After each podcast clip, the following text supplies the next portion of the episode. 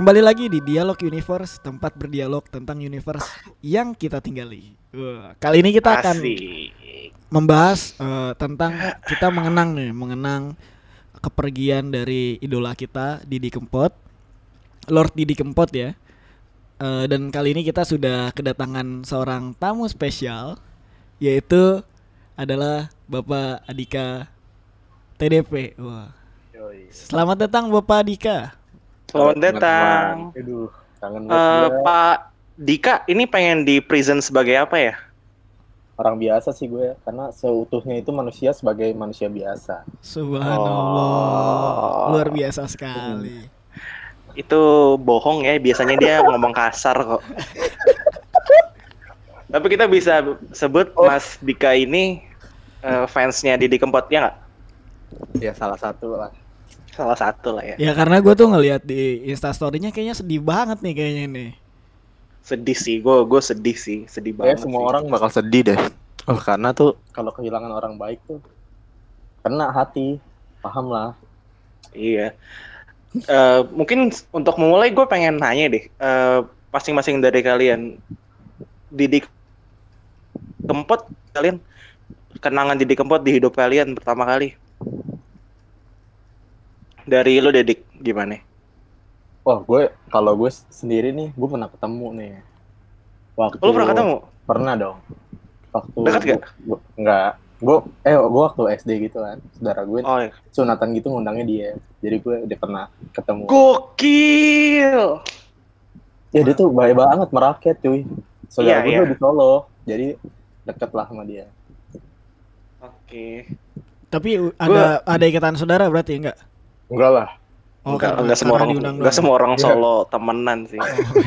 Saudaraan enggak. Enggak semua orang Jawa saudaraan. Nggak semua orang Jawa saudara. Tapi kalau gue, kalau gue untuk Mas Didi Kempot, Pak D, gue manggilnya Mbah sih. Saya kayak mirip Mbah gue banget itu. Gue Oh, udah gitu. de- denger tuh dari kecil kan, dari SD. Gue inget banget SD itu lagi musimnya lagu Cucak Rowo tuh SD itu. Terus mulai beranjak SMP lagu-lagu Didi Kempot tuh lagu kayak jadi kayak lagu bercanda. Kayak Mm-mm. ah lu aja Didi Kempot gitu. Kayak bercandaan aja. Tapi sebenarnya gue dengerin tuh gue ngedengerin karena dari dulu tuh gue suka lagu-lagu yang gue nggak ngerti artinya. Seneng gue.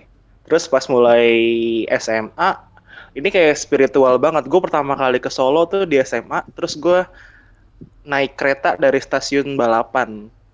Terus gue ngerasa kayak oh anjir nih Lagu banget ya. ini lagu banget nih. Ini ini stasiun yang memperkenalkan gue sama Didi Kempot nih gila. Yang yang mana? balapan. Stasiun lagunya gimana? Oh, yang yang waktu yang waktu eh, stasiun Solo itu ya mau gue ya? Iya, sama lu juga stasiun balapan. Terus gue kan foto kan. Kayaknya Iya. cuman gue yang foto di stasiun balapan itu. Itu gue kayak, ih stasiun balapan. Tapi tapi gue fotoin lu kayaknya sih. Iya, lu yang Iya. fotoin. Maksudnya cuman gue yang mau foto di situ gitu. Ih, Yang- balapan. Yang lu lagi eh duduk di lantai nggak dapet tiket pulang kan? banyak sih. Nggak, enggak itu itu itu stasiun Jogja. Oh stasiun Jogja. ya, iya itu kan Enggak, dari stasiun Jogja itu kan sebelumnya kan kita ke Solo dulu kan? stasiun Solo iya. Jadi kita dari Solo mau ke Jogja lewat stasiun balapan. Itu sih langsung salah satu jadi momen di mana gue ngerasa kayak wah, ini nih Nah, ini nih lagu stasiun lagu gue banget. Terus akhirnya gue mulai dari sana sering lagi dengerin. Tapi gue kayak ngumpet-ngumpet gitu sih. Jadi gue sering denger lagu lagu kesukaan gue tuh Cidro stasiun balapan. Itu gue seneng banget dengernya. Sampai akhirnya eh meledak lagi. Terus gue ngeliat kayak anjir sekarang semua orang terang-terangan ya ngedengerin lagu Didi Kempot Iya udah bener. nggak udah nggak ada lagi tuh bercandaan kayak ih Didi Kempot selera lo Didi Kempot nggak jadi bercandaan lagi Emang emang dulu sempet lu diledekin gitu dengerin Dulu gitu? sempet, dulu sempet kayak misalnya selera ah selera lu mah Didi Kempot gitu. Jadi punchline tau nggak? Jadi lucu-lucuan. Sekarang Lu sempet nggak ngerasa gitu nggak? diakuin ya. Iya. Sampai Sekarang akhirnya meledak. semua orang tuh nggak ngerti bahasa Jawa, tapi bisa nyanyiin lagu dia full. Iya, iya. Gue gue mulai ngakuin. Gue gue mulai hafal itu eh, SMA. Eh, terus gue kayak kalau ngelihat orang yang hafal lagu Didi Kempot kayak unik, penuh budaya, tata keramanya bagus gitu. sekarang semua orang udah dengerin ya. Wah, gokil sih. Ya walaupun lu orang Oh. Madura tapi berjiwa Enggak. Jawa ya. Gue gue orang Jawa Tengah coy. Gue lahir Oh. di Brebes, masih Oh, Jawa iya. Tengah gue. Iya, keturunan Madura gitu aja. Turunan Madura. Kalau lu, Miss, kalau lu, lu ada kenangan khusus nggak sama Pak D, Mbah Didi Kempot? Nah, kalau gua sendiri mohon netizen jangan dibully ya. jadi apa nih? eh, iya, jadi jadi kalau lagu Cicak Rowo, Stasiun Balapan, mungkin gua tahu ya, tapi eh, gua nggak tahu oh itu Didi Kempot ya. Dan Hmm. dan kalau boleh jujur barusan aja tadi nih sebelum podcast ini kita mulai, gue baru dengerin tuh lagu-lagunya Didi Kempot. Jadi Lu baru eh, browsing jangan-jangan nih. yang yang lu yang si Dika waktu itu gue tahu lu lu nonton Didi Kempot konsernya kemarin kan?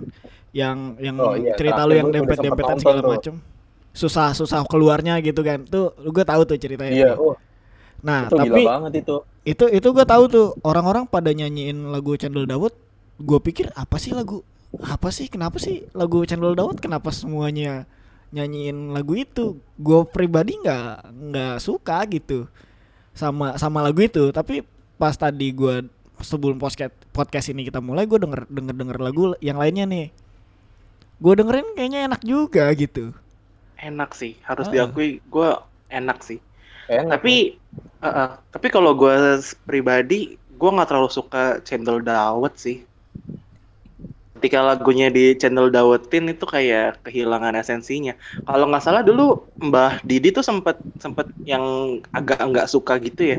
Terus akhirnya mulai menerima karena Mbah Didi Kempot tuh kayak ini tuh kayak Freddie Mercury kayak ya udah lu lakuin aja lagu gua asal bersenang-senang asal kalian joget gitu kayak oh Iya, idealis ya. ikhlas Karena- ikhlas banget ya. Karena gini, dia tuh setiap yang bagian itu dia diem, nggak ikut nyanyi. Mm-mm, mm-mm. Iya. Dia Mbah tuh nggak nggak suka sebenarnya. Cuman ya nggak apa-apa. Yang penting kalian joget. Saya nggak nerima ya nggak apa-apa. oh Nggak yang kayak ngelarang gitu loh. mungkin Karena gini bukan kali. karya dia, Miss. mungkin gini kali dia dia pengen berusaha narik sebanyak banyak orang dengan apa yang orang-orang suka dan ketika dia udah ketarik ya orang-orang itu bakal ngikutin karya-karyanya si Didi Kempot dong Enggak sih. Kalau gua ngelihatnya Mbah Didi Kempot tuh lebih kayak mengikhlaskan karyanya dinikmati dengan beragam cara. Karena tadi kayak kata Dika kan emang bukan bukan Mbah Didi yang bikin channel dawet ya. Siapa sih gua nggak tahu deh. Gua kurang tahu. Gue juga kurang tahu sih. Wih kurang tahu gimana sih Aduh gimana sih Anda ya Gimana fansnya, sih? idolanya? Aduh. salah ngundang gue nih Iya betul. maaf deh maaf. Karena sebelumnya ini nih gue tonton eh di akhir-akhir tahun banyak kerjaan kan. Gue tuh ngoding sambil nge-YouTube full konsernya dia. Jadi lumayan enak lah didengar. Hmm. Sama-sama. Eh, salah satu alasan kenapa gua nggak Hmm. nggak apa suka banget sama lagu-lagu yang gua nggak ngerti artinya, entah Korea, entah lagu-lagu Jawa, itu karena itu ngebawa gue sambil nulis, otak gue nggak kedistraksi sama liriknya gitu. Jadi Nah, gue bisa ikut nyanyi tanpa gue ke, kedistraksi sama lirik-liriknya. Beda kayak kayak lagu iramanya bahasa, iya iramanya enak dan gue bisa ikut nyanyi tanpa gue ngerti gitu. oh ya ya ya paham Eh, makanya gue sering banget dengerin lagu Didi Kempot. Tapi kalau lu udah apal sama liriknya, walaupun lu nggak tahu artinya, tetap keganggu sih biasanya.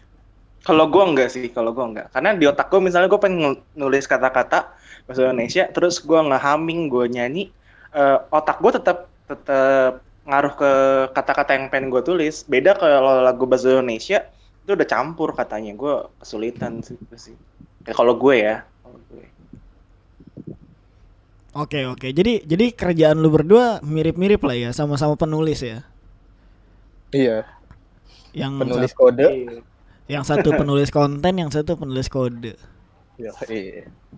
Kalau anda WordPress penulis gak ya? ah nggak, saya tukang klik. Ngeklik ngeklik selesai. Drag and drop. Iya. Eh, Nah, ini kalau soal oke, anggapkan kita berdua nih, gua sama Dika kan udah lumayan kenal Didi Kempot. Kalau Ramis ini kan virgin Didi Kempot ya. Nggak, gua gua mungkin karena tingkat eh, pengetahuan musik gua rendah yang udah kita bicarakan tadi. Jadi mungkin Iya. ya emang gua nggak tahu banyak tentang musik. Bahkan kemarin waktu gua ke Java Jazz Festival aja, eh gua nggak tahu banyak artis-artis yang manggung tuh siapa aja tuh. Nah, gitu kan. tiket tiket aja hampir mau dikasih gue gitu ya. Iya, tiketnya aja pengen gua kasihin ke orang tuh gua ada dua tiket gitu. Cuman karena ya udahlah dapat momen ya kan sambil sambil bawa pacar gua ya udahlah berangkat kita. Iya. Makanya kan gue gue salah satu orang yang sempat menggaungkan Didi Kempot for Synchronized Festival itu saat itu. Karena gue ngerasa eh, orang harus mulai memahami kalau spektrum musik tuh luas, terus musik musik musik asli Indonesia ini yang harus digaungin. Iya dan pada akhirnya orang-orang mabuk itu pada joget lagu Jawa. iya. Jadi lu mabuk nih sambil joget. Enggak, temen gue. Oh, teman. Masa harus disebut sih? Kan temen lo juga. Bukan teman gue. Ah, pura-pura nggak tahu. Eh, kalau soal Didi Kempot nih, eh, gimana sih pendapat lu kayak kan banyak yang bilang ini karena kecapean ya. Gimana sih perasaan lu ketika tahu kemarin kabar meninggal itu? Dik, Kalau kalau gue sih ya, gue bangun tidur tiba-tiba di grup udah rame. Dik Didi Kempot meninggal. Oh, anjir bercanda, bercanda kagak nih. Langsung kan buka sosmed, ternyata bener dan dadakan gitu. Gak kaget sih kalau bagi gue karena umur emang gak ada yang bisa nebak, cuy. Kalau gue pergi tiba-tiba. kalau gue tuh sampai yang iya sama gue juga bangun tidur kan. Gue eh, meninggalkan Mbah Didi tuh jam 7. Cuman gue Hmm, karena iya setengah delapan karena ibadahnya banyak apa ada angkat telepon dulu nggak tuh nggak Enggak, enggak. Lanjut. Eh, karena gue ibadahnya banyak kan jadi gue kayak tidurnya agak pagi terus bangunnya lebih siang kan. Gue baru ya gue baru bangun jam sebelasan. Pas bangun jam sebelas eh, teman-teman gue kan emang nggak ada yang Didi Kempot banget. Jadi gue langsung buka Twitter nongol eh, Didi Kempot meninggal. Terus gue gue yang nggak biasa main Twitter nggak percaya dong. Terus gue cari di Facebook terus saking nggak percayanya gue sama Twitter gue buka Facebook demi verifikasi. Bukannya buka Google ya gue buka Facebook. Gue lihat beritanya ya Allah udah meninggal. Terus gue cek YouTube untuk lihat visualnya. Jadi rute rute verifikasi berita gue kayak gitu. Nemu di Oh, lo- mana pun lo- Lo beritanya. nggak percaya, kenapa? Lo nggak percaya ada yang meninggal gitu gara-gara kemarin trendingnya Trump eh itu ya? Kim Jong Un meninggal ya? Dan ternyata pada- masih hidup pada dasarnya sih semua yang gue suka kalau dikabarkan meninggal gue Oh, pasti iya. nggak berusaha nggak percaya, percaya, sih berusaha nggak percaya. Bukan Ya. berusaha nggak percaya. terus sih. pas gue ngeliat nggak nggak pengen mau percaya nggak nggak pengen kenyataan itu akhirnya terjadi gitu ya. Ah, ya tapi makanya pas, pas kalau lo lihat di berita nih oh sedihnya berasa sih gue gue nangis sih gue gue nangis sih maksudnya gue punya salah satu kenangan baik itu ketika di Jerman itu kan sempat ada malam inaugurasi malam budaya gitulah terus eh, mana nih Indonesia mau nyetel lagu apa? Terus gue mikir dong lagu apa yang paling Indonesia banget ya? Gue mau nyetel lagu yang liriknya bahasa Indonesia nggak mencerminkan Indonesia gitu. Gue pengen nyari lagu-lagu lain nggak ada.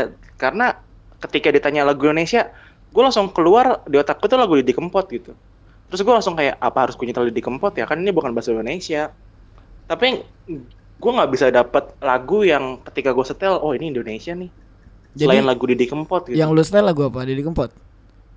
Didi Kempot gue nyetel lagu Cidro di Jerman Nyanyiin bergema lagu dong. Cidro Nya- nyanyiin dong, nyanyiin. dong. aduh nggak nggak bisa dong Ya. jangan dong jangan dong. Tapi lagu Cidro sempat bergema di Jerman itu. Kayak Mantap. oh ini lagu Indonesia nih. Gitu. Mantap. tapi pada joget ya di sana? Eh, apresiasi aja sih nggak nggak joget Oh, sih kirain tiba-tiba badan gerak gitu. Nggak tahu ya. Jempol Cidro dulu kan ya kan gerakan. Cidronya Cidro yang ini ya, Cidro yang gue nyetel lagu Cidro yang ini lagu yang Didi Kempot kan agak mellow tuh jadi nggak nggak terlalu bisa dibawa eh, joget-joget sih Tuh, gue tahu tuh yang dengerin ambiar pasti. itu sih jadi jadi gue lo Sebenarnya tahu gak sih kenapa disebutnya Lord Sobat Ambiar? Nggak tahu kenapa tuh. nggak kalau gue nggak tahu kan, kan karena gue lumayan kaget kenapa jadi rame dan terus tiba-tiba jadi sobat ambiar gitu kenapa deh Kan nanya balik loh jadinya. padahal gue iya gue gue nggak tahu soalnya gue tahu lo tahu Gue kira lu ngasih tebak-tebakan. oh gitu iya, bukan nanya bukan. Kirain ngasih tebak-tebakan. Makanya gue nanya balik. Apa emangnya kenapa? gue juga nggak tahu sih sebenarnya cuman kalau oh Ya, salah ngundang lagi sedikit- gue. nggak kalau sedikit baca-baca dia kayak mengapresiasikan lagu-lagu ini buat anak-anak muda yang sering sakit hati itu wah Hmm. pas nih sama gue gitu eh bukan Tapi- gue itu orang-orang kan gue enggak lah buat Nah. buat kita lah buat kita lah lo jangan mentang-mentang lagi berbunga-bunga terus lo lupa zaman-zaman dulu gimana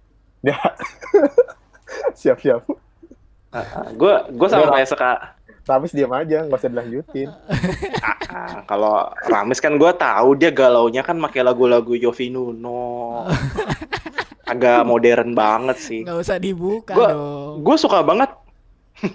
gue suka banget lagu Pamer Bojo itu sempet jadi yang kayak eh ngeresep banget gitu sama gue loh. Kayak ya Allah, kok bisa nulis lirik kayak gini ya? iya Kayak ini ini salah satu aja ya. Gue gue contohin Eh di lagu Suketeki apa apa ya yang gue jadiin story itu ada lirik yang bunyinya tuh apa gue salah gue cerita yang sebenarnya gitu. Coba lu cari lagu bahasa Indonesia yang liriknya itu bisa sepolos itu. Apa gue salah gue cerita sebenarnya? Itu dijadiin lirik dinyanyiin kayak ih ya Allah liriknya iya. Sederhana ah ah. nggak yang kutanya malam kutanya bintang kayak oke itu bahasa Indonesia yang bagus bahasa pujangga. Tapi ketika kita pengen patah hati kita pengen dibuai dengan hal-hal yang sederhana gitu. Mantep pakai nama tempat pakai nama ambiar pakai nama stasiun balapan. Jadi kayak ketika gue mampir ke stasiun Gunung. balapan kayak iya nama-nama gunung, gunung merapi itu. Laut. Iya Kayak- pakai kelanyar. Eh, eh, langsung jadi langsung jadi relate kayak wih di tempat ini nih. Langsung Iya, kayak wah di Indonesia udah nggak lagu-lagu pop lagu-lagu modern nggak ada yang sempit mereka. Nggak mereka nggak bisa ngambil satu topik yang bikin gue jadi relate total gitu Karena lagu-lagu yang sekarang yang lainnya itu kepaku konten mungkin ya- mungkin ya. Kalau Deddy Kempot mungkin lebih ke konteks ya. iya padahal Ini- gue nunggu Ini konteksnya ini lagu. nih gitu. judulnya bawa-bawa ancol gitu mis biar gue ingat nggak ada ya iya ada binaria dulu kan lagu dangdut itu Gimana gimana lagunya, Pak? Coba nyanyiin dulu dong dikit. aduh gua aduh sering gitu ya jadi penasaran banget ya penasaran banget sama suara gue Iya, buat teman-teman yang nggak tahu tuh Lana tuh jago nyanyi. ya dari suara Dulu- ngobrol dulu aja udah enak gitu mis ih Dulu gue sempat dari jadi vokalis band sih. Dulu gue sempat jadi Oh. vokalis band. oh boleh. Enggak tapi enggak lah. Sempat gue sempat jadi band. oh nerima dia nggak ada orang lagi ya Sebenarnya itu dipilih berdasarkan skor karaoke. oh gitu Nah skor iya skor karaoke gue tinggi. berarti kayak Inul Vista lu dong seleksinya Enggak, itu pakai ini eh, karaoke Ramayana yang pakai koin. serius serius. Dulu di di Gading masih ada tuh karaoke koin tuh tau gak lu? Iya di beberapa tempat masih ada karaoke koin. Jadi pakai koin terus ada skornya itu yang dipilih jadi vokalis. padahal bisa jadi itu skornya Random gitu mis ya. Buat orang seneng gitu. Iya, Oh, betul. beruntung. untung banget. Enggak, skornya itu tuh ketepatan nada sama lirik. enggak zaman dulu mah Oh nggak tahu sih gue. buat Tapi skor gue cuma- lumayan tinggi. Lagu Mbah Didi juga sering gue pakai buat karaokean loh. oh kalau gue belum pernah tuh Jadi lagu Gua- wajib karaoke bukan? Lagu wajib karaoke, lagu wajib karaoke. apaan tuh judulnya Pamer Bojo sih gue kalau buat itu Pamer Bojo, stasiun balapan itu kayak wajib banget sih masuk playlist. Mantep emang bapak ini. Jadi kalau misalnya mau jujur-jujuran pamer bojo sih lagu yang lebih lebih ada ininya sih sama gue yang lebih ada history. Anjrit lagu ini gue banget gitu. Ya, pamer Oh. bojo. Pernah mantan lo tiba-tiba mamerin pacar lagi gitu? Ya kan? Gitu kan? Iya, mam- pamerin tunangannya, pamerin bojonya beneran. Oh, oh beneran. Iya karena Iya. karena perasaan pribadi berarti. Iya, makanya pas gue denger lagu itu kayak ya Allah ini gue relate banget. banget, guys. Relate banget itu. Nggak Ketika- nangis kan? Gue kalau patah hati nangis. Oh gitu. Kurang Nangis. Gue gue lemah loh, gue lemah. Gue tuh gue tuh suka lagu tuh sama kehidupan tuh relate banget kayak gue tuh dulu sempat selalu nangis kalau denger lagu yang terlewatkan ya Salon Seven. Waduh, waduh karena Eh, ah iya iya iya. Iya, iya, saat itu ya. Sekarang gue udah mulai berdamai karena eh, orang tersebut eh, anaknya udah akikahan. Iya, saat saat anaknya akikahan gue mulai berdamai kayak, oke ini saatnya gue selesaikan gue gitu. Ya. Terus terakhir tuh pamer bojo itu gue ngerasa kayak ah kena banget ya. Tapi tapi itu loh. Pak D punya quote bagus buat orang-orang yang sakit hati. Apa tuh apa tuh? Kayak kalau bahasa Jawa gini. Sing wis yo wis. Loro hati yo oleh. Kalau ah bahasa Indonesia lah, gue agak belibet ya. Yang udah Iya. udah sakit hati boleh, tapi kerja tetap kerja dong. Sebab hidup nggak bisa dibiayain oleh tangisanmu. Jadi ya. cakep ya tuh. Nih, Kalau lo lan- nangis-nangis aja. Nih, Miss, salah satu kehebatan Didi Kempot, orang Betawi maksain ngomong bahasa Jawa, tau nggak? Hmm. Sampai Gokil ya. mak Gokil. gokil ya. Lidahnya lidah Betawi, maksain ngomong bahasa Jawa. Tapi Tapi- respect sih gue, gue Jawa loh cuy. gak percaya gue. Lidah Betawi banget lu. Enggak itu Lidah yang kalau- sama lo doang. Karena Lidah yang kalau kesel gimana gimana? karena udah kelamaan tinggal di Sentiong, Pak. Lidah-lidahnya Dika tuh lidah yang kalau keserempet eh, motor di jalan tuh langsung motor bukan sembarang motor gitu. Dipantunin. dipantunin udah udah nggak ada daerah-daerah lainnya tuh nggak ada udah betawi banget Tapi gue ngerti bahasa Jawa, cuman gue nggak bisa ngomong ya. Jadi kalau Iya. ada orang ngomong Jawa tuh, oh iya. Jadi pas gue nyautin bahasa Betawi. nah, habis itu dia bingung tuh. Ngobrol sama gue. Berarti lu sama kayak Lana, Pak. Eh, kampung iya. halaman tuh cuman cuman sebatas status doang. iya tapi gue nggak nggak punya logat sih Nah, sama. Gue kayak ngerti doang gitu loh. Enggak lu betawi banget logat lu tuh betawi Enggak cuy. Masih bisa dinego. coba lu bilang lu kan nego Se- Seminggu di kampung, lidah gue agak bisa lah gitu. Adaptasinya lumayan. ah Karena di Jakarta tuh susah ngomong halus. bisa ah gue halus kok gue orangnya yang baik Kalau tapi halus, gini kadang di eh, sering ditindas ya. Aduh. Tapi gini lu pernah baca ini gak sih eh, biodata biografinya Mbah Didi? Yang diawali dengan pengamen? Oh, enggak tuh, enggak. Enggak, lu kayaknya harus baca deh kayak eh, Mbah Didi tuh sempet ada di atas, terus sempet main di sempet ke bawah lagi terus naik lagi sekarang di masa kejayaan yang lebih luas lagi. Sementara kalau dilihat Mbah Didi tuh berawal dari yang bawah banget dari Mekamen gitu. Sampai yang akhirnya jadi penyanyi internasional di Suriname. Sampai akhirnya sekarang ya Allah eh, sampai jadi bikin konser di GBK. Gue gue nggak tahu ya apa eh, itu konser tunggal pertama nggak sih di GBK? Apa udah ada sebelumnya?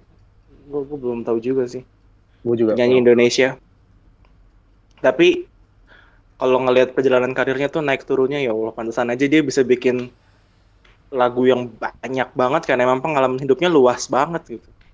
Kayak nggak ada pas- yang Tapi dia pas naik lagi karena apa lo tau gak sih? gue nggak tahu. Gue gue lumayan kaget sih kenapa dia naik lagi. Kalau gue kayaknya dia dari yang dulu diundang di vlognya Gofar tuh. Gofar ya. Hmm. Heeh, Gue nonton sih, gue nonton sih itu. diundang. Tapi gue nggak tahu kalau itu momentumnya. Mm, itu momentumnya sih, setahu gue. Jadi segede Tapi di itu vlognya ya. Gofar itu udah rame juga kan para sobat Iya, ambiar itu. Tapi sejak itu malah masuk ke TV kayak gitu-gitu sih. Iya sih, kalau emang bener sih memang long live Gofar sih. Se segede itu impactnya ya. Dari dari sebuah vlog yang tiba-tiba bus gitu. Tapi vlognya dia vlog yang spesial gitu loh, Mis. Bukan diundang ngobrol. Hmm. Dibikinin ini loh, dibikinin panggung. Heeh. Hmm. Kayak kayaknya gue harus nonton nih nanti deh. Oh ya lo harus nonton Kalau memang bener, kalau memang itu bener momentum dinaik naiknya lagi Bah Didi, itu video harus diarsipin sih sama negara sih. Ah, ya, makasih banget sih Bung. Gue tuh bukan tipe orang yang kalau gue punya idola terus rame, terus gue jadi jijik gitu, enggak sih. Gue malah makin suka kalau idola gue makin banyak yang suka. Kena kenapa? Kenapa? Karena sebagian Karena- orang eh, ngerasa ini idola gua ya udahlah di Dieksklusifin ya. Heeh, jadi eksklusif gitu. Orang-orang Iya, udahlah Kak. nggak usah tahu lah gitu. Mungkin karena ini ya, karena gue juga terbiasa sama eh, hidup dengan berkarya. Semakin sering berkarya kan semakin pengen banyak dilihat orang. Terus gue jadi pengen memperkenalkan idola gue tuh ke luar, ke halayak yang lebih ramai gitu. Itu sih, jadi gue nggak ada eksklusivitas sama idola. Tapi ngomong soal idola, ini kalian mulai mengidolakan sesuatu umur berapa sih? Waduh. Mulai idola ya, bukan suka ya. Kalau suka kan mungkin kita semua pada pada umurnya akan suka sama Peter Pan dong. Iya. Iya, Iya, Peter Tapi- Pan ya. gua gua nggak ngerasa Kangen Peter band, Pan jadi Kangen band nggak? kangen band bisa suka Raja, Raja dulu keren banget. Tapi mulai ngerasa, eh gua ngidolain dia nih, gue mulai eh, identitas gue ini nih gitu. Kapan kalau kalian? Kapan, Mis? Kamis dulu deh. Kamis Gua- kayaknya ini nih, nggak gua- punya kayaknya dia. Iya, gue rasa juga gitu. Hidupnya flat banget. hidupnya flat banget sih. dia dia nggak dia nggak punya idola sama karya gitu nggak punya Iya. iman sama agama so kan cewek mulu mainnya Astaga, astaga. Iya. Tapi Ah. dia menunggu cewek nomor satu. kalau Anda- cewek nomor satu Astaga, jangan fitnah. Coba, Coba, lihat coba. timeline timeline di Instagramnya yang isinya kos-kosan cewek siapa tuh? Dika Buka feed isinya cewek semua kayak kos-kosan ya kan. iya sih Dika banget sih Uh, dulu itu dulu itu Instagram bisa ngelihat aktivitas temen, cuman karena sekarang nggak ada, wah makin banyak tuh. ya itu karena Dika lapor Dika. fitur ini tolong dimatikan dong Iya biar mengganggu privasi gua nih gitu. Ganggu privasi Aduh, balik lagi gimana? Lu kapan mulai mengidolakan, Miss? Apa nggak pernah Gua- sama sekali? gue gue pernah pernah bahkan bahkan sampai sekarang masih mengidolakan mungkin eh, kalau kalau dulu kan kayak band suka ya suka gitu Iya, banyak, suka-suka banyak aja. musik ya cuman gue tuh satu satu yang gue idolain sampai sekarang mau di Ayunda Itu Oh, sejak kapan momennya? Karena sejak sejak Oh. dia bikin eh, bikin film perahu kertas Oh, itu itu kan lama Oh. banget ya ya. Eh, waktu waktu dia masih masih ya belum kayak sebening sekarang ya kan kalau kalau dulu kalau dulu Berarti ini dong, lu zamannya SMA apa kuliah itu? Kan itu film lumayan baru kan? S iya SMA apa SMP SMP ya gue lupa bentar perahu Kayaknya SMA gua, gua deh. cek ya perahu kertas tayang tahun 2000 wow 2000 tahun perahu kertas 2000 eh yang kedua aja 2012 Oh gokil gila. Oh, gua nggak tahu ya ternyata waktu selama itu ya. SMP iya tuh. ya? eh, 2012 Itu. SM, SMA iya akhir SMP gue SM, gue iya, gue. SMP lu SMA lah. iya iya ya itu Mau dia Hyundai ya, dari sejak itu ya. Bentuk bentuk eh ntar ya, ntar. Kalau lu Dik mulai mengidolakan kapan dan siapa? Gue dari SD sih. Demen banget sama Peter Pan. Sampai sekarang berubah jadi Noah. Tapi itu Ya. bener idolaan. Gua Tapi itu idola ya? Dari awal. Ngikutin dari awal. Kalau iya sih, keren-keren juga sih. Peter Pan pada zamannya itu semua orang suka sih pasti. Iya. Salon Seven Peter Pan tuh sampai sekarang kan. Oh iya. Ah, ah. Silent Seven udah pasti ya. Kalau Salon Seven sih kayaknya harga wajib lah semua orang Mm-mm. suka. Tapi nggak beberapa orang bisa die hard banget. Tapi kalau gue sih ketika ada Salon Seven gue kejar. Tapi gue nggak nggak menamakan fansnya Salon Seven gitu sih. Nah, ya mu- mungkin gue juga begitu ya. Dan untuk semua idola gue begitu mungkin. Hmm. Kalau gue tuh, gue tuh sampai yang beli kaosnya. Kalau nggak salah dulu sempet jadi bio gue di Facebook ketika Oh, masih iya. SMP. Bahkan sampai sekarang gue tuh ngerasa punya hutang. Gue beli semua albumnya. Ketika udah punya uang sendiri tuh, gue beli semua albumnya. Bentar gue tebak. gue mulai apa? Gue tebak albumnya siapa? Siapa? Eh Jirox. Iya, gue member, gue member aktif. Gue punya kartu member Xerox. Oke. Selain Yang Jirox gue tahu lu apa lagi? Apa? Eh JKT48. Oh enggak, Yo, yo, enggak. yo, JKT yo, enggak. gitu kan. Nah, yang bener JKT lu. enggak. Perasaan dulu. JKT Gue tahu JKT itu ke bawah ini sih ke bawah momen aja. yang lagu itu, lagu Korea yang jadi Indonesia tuh. Favorit lo banget. Enggak, tapi ini kan pertamanya. Kalau kalau gue tuh gue gue tipe orang yang mengidolakan dan setia gitu. Jadi dulu tuh gue ngefans sama Jerox sampai sekarang. Sampai album terakhirnya tuh gue masih beli gitu. Jadi kayak Walaupun sekarang udah nggak kelihatan ya. Iya, karena nggak ngefans ya, nggak ngeliat loh. Tapi Oh, kalau gitu. gue sebagai fans, gue ngikutin, gue ngeliat eh, album solonya si Iman. Eh bukan album solo, lagu solonya. Gue ngikutin sih aktivitas. gua Gue beli bukunya. Kalau gue Jirox juga suka sih dulu. Dulu tuh gue eh, sebelum ada smartphone yang sekarang-sekarang ini ada ya. Dulu gue eh, kenal sama musik tuh kan pertama pertama banget tuh dari itu ya komputer WinM ya. MTV. Ya, gue dari MTV sama Dahsyat. Terus habis ya MTV ada, habis dari situ gue dibeliin ini cuy, beliin MP3 dulu. MP3 Oh. yang ukurannya tuh 1 gigabyte. Itu udah itu udah gede banget dulu zamannya waktu Iya. zaman orang-orang masih 128 gue udah punya 1 1 gigabyte tuh. Nah, itu isinya cukup banyak juga tuh lagu lagunya Jirox. Tapi Miss, Miss, Hmm? kalau buat lagu-lagu beda banget. Dulu sama sekarang tuh kayak lagu dulu yang terkenal tuh bisa dinikmati semua orang. Bisa long lasting tau gak sih? Bisa Iya. sampai sekarang. Coba kalau kayak gue nggak tahu ya. Kalau kayak lagu yang enak sekarang, gue bilang enak belum tentu lo bilang enak gitu. Beda sama dulu sih. Du- dulu tuh gue inget banget tuh Jerox itu ketika gue bilang, "Ay, eh, dulu gue sampai sampai sampai jadi aduh malu banget gue kalau bahas. Dulu gue pikir mengidolakan itu tuh identitas diri tau. Jadi gue kalau kenalan sama orang tuh nanya, "Lu ngefans sama siapa?" gitu. Anjing, gue aduh. Kayaknya nggak cuma lu kalau- doang deh. Kayaknya nggak cuma lu doang deh. Jadi kalau gue nanya, "Eh, lu lu dengerin musik apa? Lu ngefans sama siapa?" gitu. Kayak harus ditanya Du- dulu itu gue juga merasakan hal yang sama tau nggak lu? dalam hal kan lu nggak pernah ngefans sama siapa-siapa. Iya enggak enggak dulu dulu gue juga masih suka sama kotak gitu. Anjir. Eh, serius serius. Cuman cuman yang balik lagi kalau gua pribadi nggak kalau suka ya udah suka aja tapi nggak nggak sampai ngoyo. Ini ada konsernya harus ikut ke sana sana gitu. Nih yang Iya. yang yang lu ceritanya ngejar-ngejar Jirox kan dulu ya kan. Gua ngerasa. "Ih, aneh banget gitu.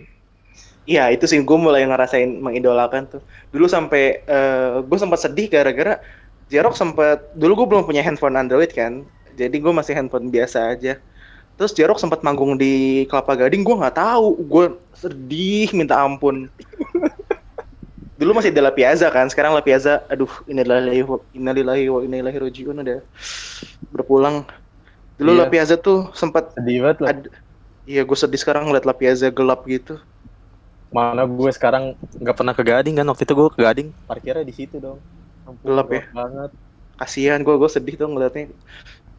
Kadang yang basinar akan pudar gitu. Yo, iya gue sedih atas banget ngeliat. di atas.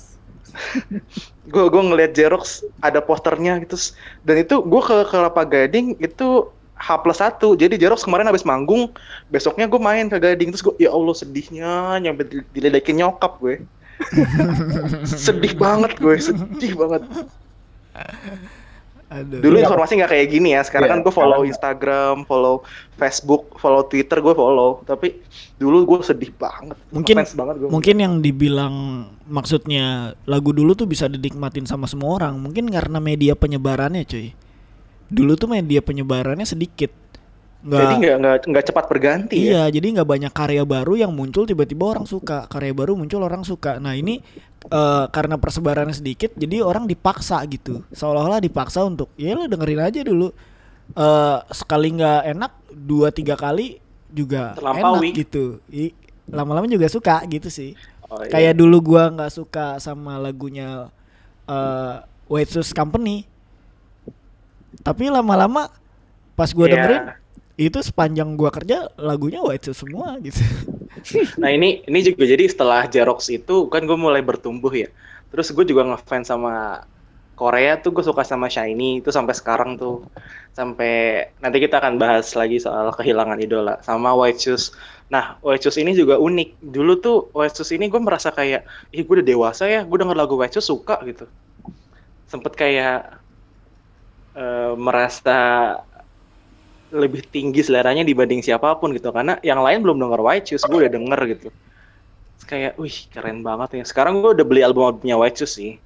Wow. ngejar. Jadi karena karena karena gue mikir dulu gue menikmati karyanya dengan cara yang salah. Terus caranya gue menebus dosa ya gue harus beli karyanya. Jadi yang dulu-dulu tuh jadi halal gitu. Gue download-download bajakan jadi halal karena gue udah beli album as- aslinya sekarang Kalau gue dulu masih ngerasain zaman beli DVD ini MP3. Iya, bajakan. Gue juga sempet Iya. beli dulu. Nah, tapi soal idola, ini ada satu yang gue nggak bisa paham. Kalau soal lagu atau artis, kita masih bisa paham ya, karena dia bentuknya berkarya ya. Dik, lu ngefans sama klub bola gimana ceritanya deh? Waduh, waduh, waduh. Lebih dalam cuy. Aduh, Kalau gue ngerti. bola, Bentar iya. ya, bentar ya. Kalau kalau gue ngefans sama Jerox, gue tahu personilnya siapa, gue tahu karya yang dihasilkan apa, gue dengerin karena dalam eh, teorinya juga musik sama tubuh punya pengaruh gitu. Tapi sementara lu lu ngefans sama klub bola yang isinya bisa berganti. Terus apa yang lu idolakan? Lu mengidolakan klub bola siapa nih? Sebutin dulu gue demen banget sama Chelsea. Chelsea, Persija nggak? Persija dong, pasti. Chelsea dan Persija ya. Kenapa? Jelasin ke gue kenapa lu bisa ngefans mengidolakan klub bola. Berawal dari hobi sih. Ketika hobi lo main bola, lo bakal suka dengan hal itu dan lo bakal milih sendiri, oh mana sih klub lo di awal yang lo suka gitu. Dulu tuh gue sempet di zaman SMA itu sempet kayak cowok tuh wajib punya klub sepak bola ya. Nah, Terus gue iya. pilih Chelsea. Gue pilih Chelsea karena gue suka warnanya sejujurnya. warnanya biru-biru kalem gitu. Sumpah. Cuman jadinya kan gue ngomong gitu kan, gue suka Chelsea. Terus kan biasanya kalau main bola terus ledek-ledekan, Hmm. dikatain dong, wah masuk gua, masuk gua. Terus gue ngerasa, gua gua nggak nonton bola, gua nggak tahu kalau Chelsea hari ini kalah. Terus ketika diledekin, gue harus pura-pura sakit hati. Ah, anjing lo tunggu aja, tunggu aja. Padahal mah gue nggak ngerti bola tuh gimana. Kok Chelsea Iya. sekarang main, besok main lagi sama dia itu gimana cara main gue? Pura-pura aja gue biar bola nggak. tuh paling keras zaman SMA cuy. Iya, bisa kalah SMA. dikit tim lo. Tuh kan, itu gue nggak bisa ngerasain. Gue dulu Kalau di- ledek-ledekin banget. Ah Chelsea lu, gue masuk gua, masuk gua. Terus kayak, anjing gue gak sakit hati lagi. Gue gue juga termasuk orang yang nggak suka sama bola, Pak.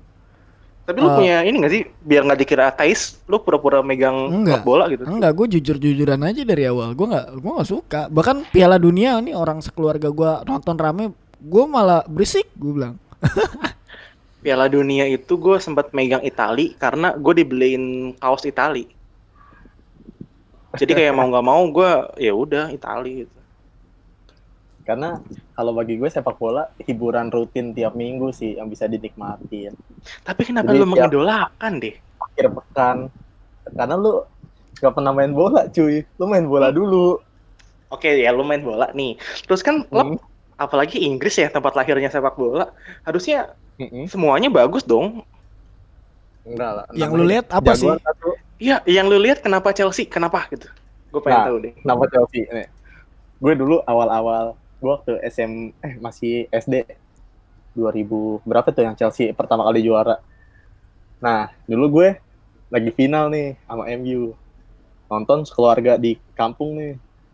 Wah, gue belum ngerti bola dan gue cuma tahu MU dulu. Siapa sih dulu yang nggak tahu Manchester United kan? Iya, gue juga tahu. Nah, gue dukung dia sendiri, yang lain Chelsea kan. Karena gue tahu doang, oh bola MU gitu, gue nggak tahu bola. Nonton ini Chelsea lawan MU. Kok dibantai 3-0. Dari situ gue suka banget sama Chelsea, apalagi dulu gue role modelnya tuh Frank Lampard. Ngeliat dia main, ih mantep nih.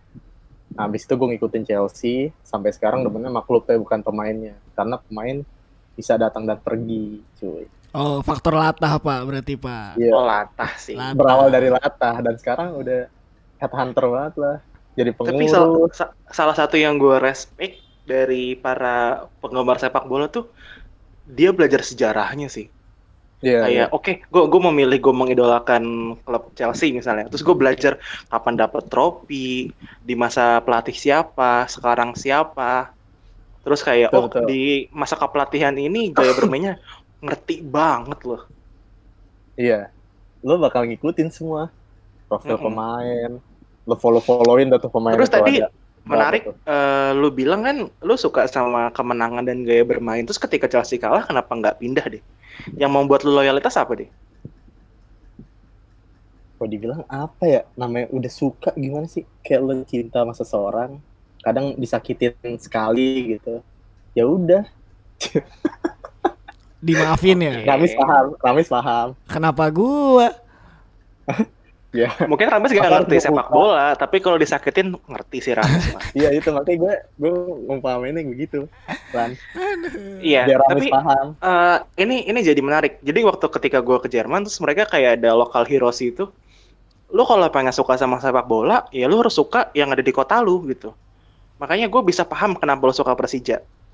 Tapi gue nggak bisa ngerti kenapa orang suka sama klub-klub di Eropa sana gitu.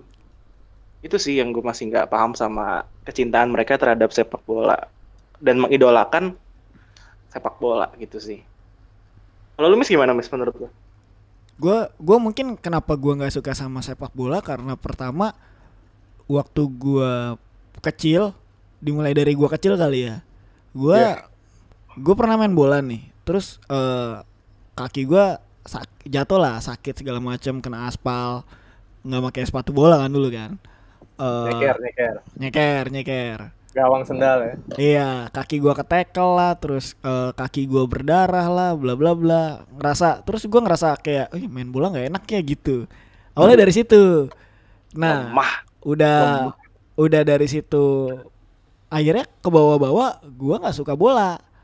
nggak suka main bola lebih tepatnya. Dan ya udah sampai sekarang ya gua nggak suka permainan bola. Ya walaupun kalau disajikan TV tentang bola gua tetap mau nonton, mau nonton nggak benci ya, mau nonton. Cuman gua nggak mengidolakan. Ih bola harus nonton gini-gini. Piala Dunia harus nonton, harus bla bla bla. Enggak, gua nggak nggak bukan gitu sih. I- iya sih, ya makanya sih gue juga bingung sama sepak bola karena kalau gue nggak suka sepak bola karena temponya temponya terlalu lambat ya. Dulu kan perbandingannya sama bulu tangkis, gue ngerasain bulu tangkis one man show dia main dengan seluruh kekuatannya, temponya cepat, eh, hype-nya kerasa. Kalau sepak bola tuh kadang kok lama, kok rame, kok biasa aja. Oke, gol seru, tapi untuk menuju gol bisa 90 menit cuman ada dua gol kayak salah ngobrol nih gue nih enggak sih enggak ini kan sekarang gue salah ngobrol nih perspektif aja sih tapi gue menghargai nah eh gue pengen ngomong soal kehilangan idola nih. Ini kan kita udah tahu nih kapan mulai idola. Terus gue salah satunya di sepak bola. Dulu ketika sepak bola Indonesia sempat di ban fans bola apa kabar ya? Gue nggak terlalu ngikutin deh. Persija utamanya ya. Kalau untuk itu sih fans tetap ada ya sebenarnya kebukti sampai sekarang tuh bola tetap rame aja apalagi di Indonesia nih mulai Iya, bolanya udah mulai agak maju kalau udah ada lagi gue paham cuman ketika lagi nggak ada tuh sempat dua tahun kan kalau nggak salah ya. Hmm. itu gimana Indonesia Eh, fans sepak bola di Indonesia tuh apa yang mereka lakukan oh kalau gue di lokal dulu belum terlalu ngikutin ya cuman pasti di antara mereka sama kayak gue lah punya idola di luar negeri makanya hiburan mereka pasti ke situ. Terus ini nih, gue pengen nanya lagi dulu. Gue nggak ngikutin ya, tapi gue tahu Bam- Bambang Pamungkas sempat main di Bandung. Itu gimana deh? Perasaan para Persija lu Hmm, tahu hmm. nggak? Para The Jackmania. kalau perasaan gue nggak tahu sih cuman Oh lu saat itu belum ngikutin ya? nggak gue udah ngikutin cuman nggak Udah terlalu ngikutin. nggak terlalu kayak sekarang kalau bola Indonesia dan kayak mereka kayak setia gitu sih walaupun di Bandung tetap welcome gitu pas Bambang main dan dia juga golin dua gol kan ke Persija Kandang Persija kan untuk Iya. Persija kan? Iya. lumayan sakit sih sebenarnya itu gue yang ngeliat sakit kok Lu nggak ngerti ya, Mis? karena nggak nggak cuman di situ ya gue kadang kalau nonton bola nih di eh nonton Chelsea ya kan banyak pemain yang ke rival Iya, Kalau- bekas bekal bekas Chelsea. pemain yang golin tuh lebih sakit cuy gue gue Ngeliat pernah gue pernah lihat kalau nggak salah jahatin gue pernah lihat kalau nggak salah Lampard nangis ya waktu ngegolin di Chelsea ya. iya betul Lan, Itu lan, gue lan, nahan sedih lan. uh, Sebulan Yap. sebelum mulai podcast lu belajar dulu ya lan ya. Enggak kalau enggak kalau ini gue gue gue mau ngikutin karena di daerah gue itu eh Persitara NJ Mm-mm. Mm-mm. terus gue nyebrang dikit tuh di Jack terus di orang teman-teman gue tuh taunya gue anak Chelsea gitu jadi kayak, kayak informasi masuk aja walaupun gue nggak ngikutin karena gue mengenalkan diri gue oh gue ngefans Chelsea oh gue di daerah NJ seberang gue Persija di Jack gitu emang Enggak, informasi biar- masuk aja Biar aman aja sih ya. sama gue ya. Biar aman aja kan lu kan biar enggak lu anak DJ apa NJ? Enggak gue Chelsea gitu. Enggak, Iya pertama-tamanya gitu pusat dia the Jack kalau dia di utara dia NJ itu paling aman.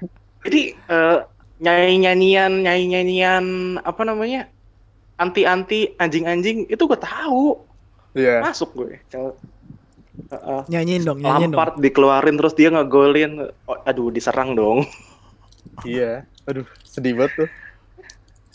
Heeh, sedih banget. udah mau menang kan sebenarnya. Terus diseriin dan yang nyeriin Lampard cuy. Lampard. Gimana ya, itu perasaan nangis tuh iya gua gua kebayang sih walaupun gua masuk ke sepak bola tapi, Tapi ini gue pengen ngomong berarti sepak bola nih Pak, gua saat cabut dulu ya, Pak, ya. The Jackmania Gue cabut dulu ya. Rooming gue. jangan dong Nggak, nggak. Ini gue gue Iya. pengen masuk ke ini sih soal Oke. kehilangan idola. Oke Berarti ngobrol dulu sepak bola biar yang mis tahu tuh tadi lo sebelumnya oh mau bahas bola gitu Enggak, mis jadi gue ini juga yang lain mungkin yang nggak kedengerin. Eh, jadi Bambang Pamungkas itu kan jagoannya Persija ya, Persi- Persatuan Sepak Bola Jakarta. Nah, gue nggak tahu gimana kasusnya ya, tapi eh, Bambang Pamungkas tuh sempat pindah ke klub yang ada di Bandung. Mm-mm. Tapi bukan bukan Persib, eh, apa namanya ya? Bandung Raya Pokoknya salah satu Bandung Raya. Hmm.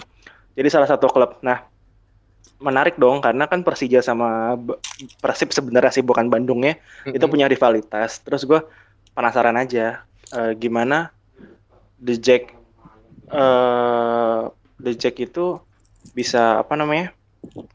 Bisa memahami Bambang Pamungkas.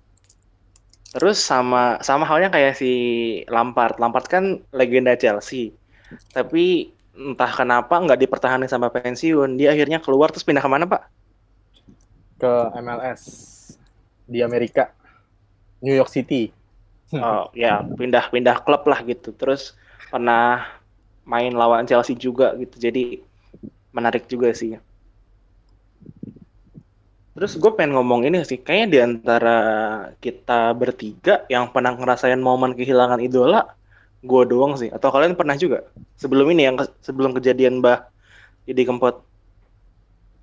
kalau gue lebih di sepak bola sih kayak pemain favorit lu tuh harus pindah di ke klub lain lumayan sedih sih Hmm. atau pemain idola lo pensiun lo nggak bakal bisa lihat di lapangan hijau lagi Oh itu tuh momen kehilangan idola lu ya? Iya sih. kehilangan sederhana ya Mm. Kalau lu Miss pernah nggak? Kalau idola gua Nabi boleh nggak sih? boleh lah Ini ini ini sebenarnya gue salah satu Tapi- hal yang gue nggak serak Lo udah sih. hidup emang emang lo udah hidup di situ Iya, gue nggak serak kalau misalnya. Kalau kita lagi ngomongin idola nih, terus ntar ada satu orang yang soleh ngomong, "I- idola gue sih Nabi Muhammad, membawa syafaat. Ya tahu, cuman kan dia nabi gue. Kok disetarain sama idola sih gitu. Iya. Nabi mah imam. Jadi iya jadi yang Jadi gimana lo, dari lo awal kan. Nabi Adam? Iya karena karena karena gue pribadi kan nggak nggak pernah ngerasa ngidolain orang yang sengoyo itu. Jadi kalau ngomongin kehilangan apa enggak, ya gue nggak begitu terlalu ngerasa banget kehilangan. Tapi kalau sedih Mungkin kayak nanti ya ketika kayak Didi Kempot eh, meninggal ya gue sedih gitu. Cuman kalau sampai bener-bener kayak fans-fans beratnya gitu kan, nggak nggak kayak gitu. Mungkin nggak rasanya nggak kayak kehilangan pacar gitu sih pak. Iya, kalau kalau gue tuh sempet ini, gue kan ngefans sama Shiny ya. Terus sempat ada kejadian salah satu personilnya bunuh diri kan, meninggal. Hmm. Kalian eh, sempat dengar nggak Nggak. kejadiannya? Jadi ada eh, personil K-pop yang meninggal karena bunuh diri. Nah di situ tuh gue loh yang ngerasain kayak anjir, gue gue sedih banget saat itu, gue nangis saat itu loh. Waduh. Gue melo sih anaknya. Waduh. Oh, gue juga ngerasain tuh waktu Linkin Park. ke Iya. Manchester. Heeh, makanya ketika beberapa fansnya Linkin Park terus nangis, gue bisa ngerasain gitu. Karena Hmm. ketika kejadian di Shiny itu gue nangis, gue gue tumbuh dengan musik mereka, terus yang gue tahu mereka baik-baik aja, terus kemudian muncul kabar bunuh diri, bunuh diri kan bukan kematian yang Mm. Wajar. tidak disengaja kan, eh, kematian yang karena despres- depresinya, terus gue ngerasa kayak ada masalah apa sih, terus gue sampai nangis sih, gue sampai kayak sempet di kayak di ditemenin orang-orang gitu tiba-tiba lan lu baik-baik aja kan? Kayak karena emang berat banget sih buat gue saat itu. Kaget gue lebih ke kaget dan kok gini sih caranya? Gitu. Sama, sama kehilangan pacar sedihan mana lan? saat itu kalau kehilangan pacar kan apa ya kayak kayak bisa dicari lagi gitu. Oh, yang gue lebih kesed- Perasaan, perasaan dulu ceritanya begitu. ya pada pada ya pada masanya sih cuman ketika udah move on selesai gitu cuman kalau sampai Oh, iya, sekarang iya, kalau iya. ngelewatin bulan Desember itu gue masih mikir kayak waduh si Jong Hyun meninggal nih bulan ini gitu gue masih kepikiran terus sih Oh, enggak sekarang. kepikiran anjir gue diputusin bulan ini nih enggak gitu ya lan. enggak putus Oh. nggak nggak gue rayain Yang yang dirayain kalau udah ditinggal nikah ya pak ya. Untung mantan Iya. gue udah stoknya udah habis yang udah nikah udah udah nikah semua jadi habis lah. mantan gue udah nikah semua gitu sih gue gue sempat banget ngerasa kehilangan di Oh, gitu. situ sih gue sedih banget ya Kalau lo mis sedih tinggal mantan. Eh beda ya. Enggak lah, gua gua gua nggak ada sedih-sedihnya, gua mah biasa aja. Oh, iya makanya kan kayak banget eh, tuh. jawabannya lan. Kayak tipe-tipe orang yang sedih ditinggal eh gue gue bisa merasakan itu sih karena relate banget gue sama kejadian-kejadian itu. Linkin Park. Kerasa banget sih kehilangannya karena kalau buat gue orang yang biasa mengidolakan sesuatu gue kayak tumbuh besar bersama mereka gitu. Denger musik mereka menghibur di kala gue lagi bete gue lagi bengong denger musik mereka kayak udah punya dunia sendiri. Terus ketika kehilangan ya sedih banget sih gue. Parah. Oke, kita balik lagi nih ke topik nih. Kita eh, kita balik lagi nih ke topik nih. Kalau kan eh, almarhum Didi Kempot kan udah udah meninggalkan kita semua nih ya, idola-idola. Nah, eh, lu lu punya punya pesan kesan gak sih buat buat para fans fansnya yang yang lagi bersedih sekarang ini sekaligus menutup pembicaraan kita kali ini? Kayaknya ini udah udah 50 menitan nih kita ngobrol nih ya.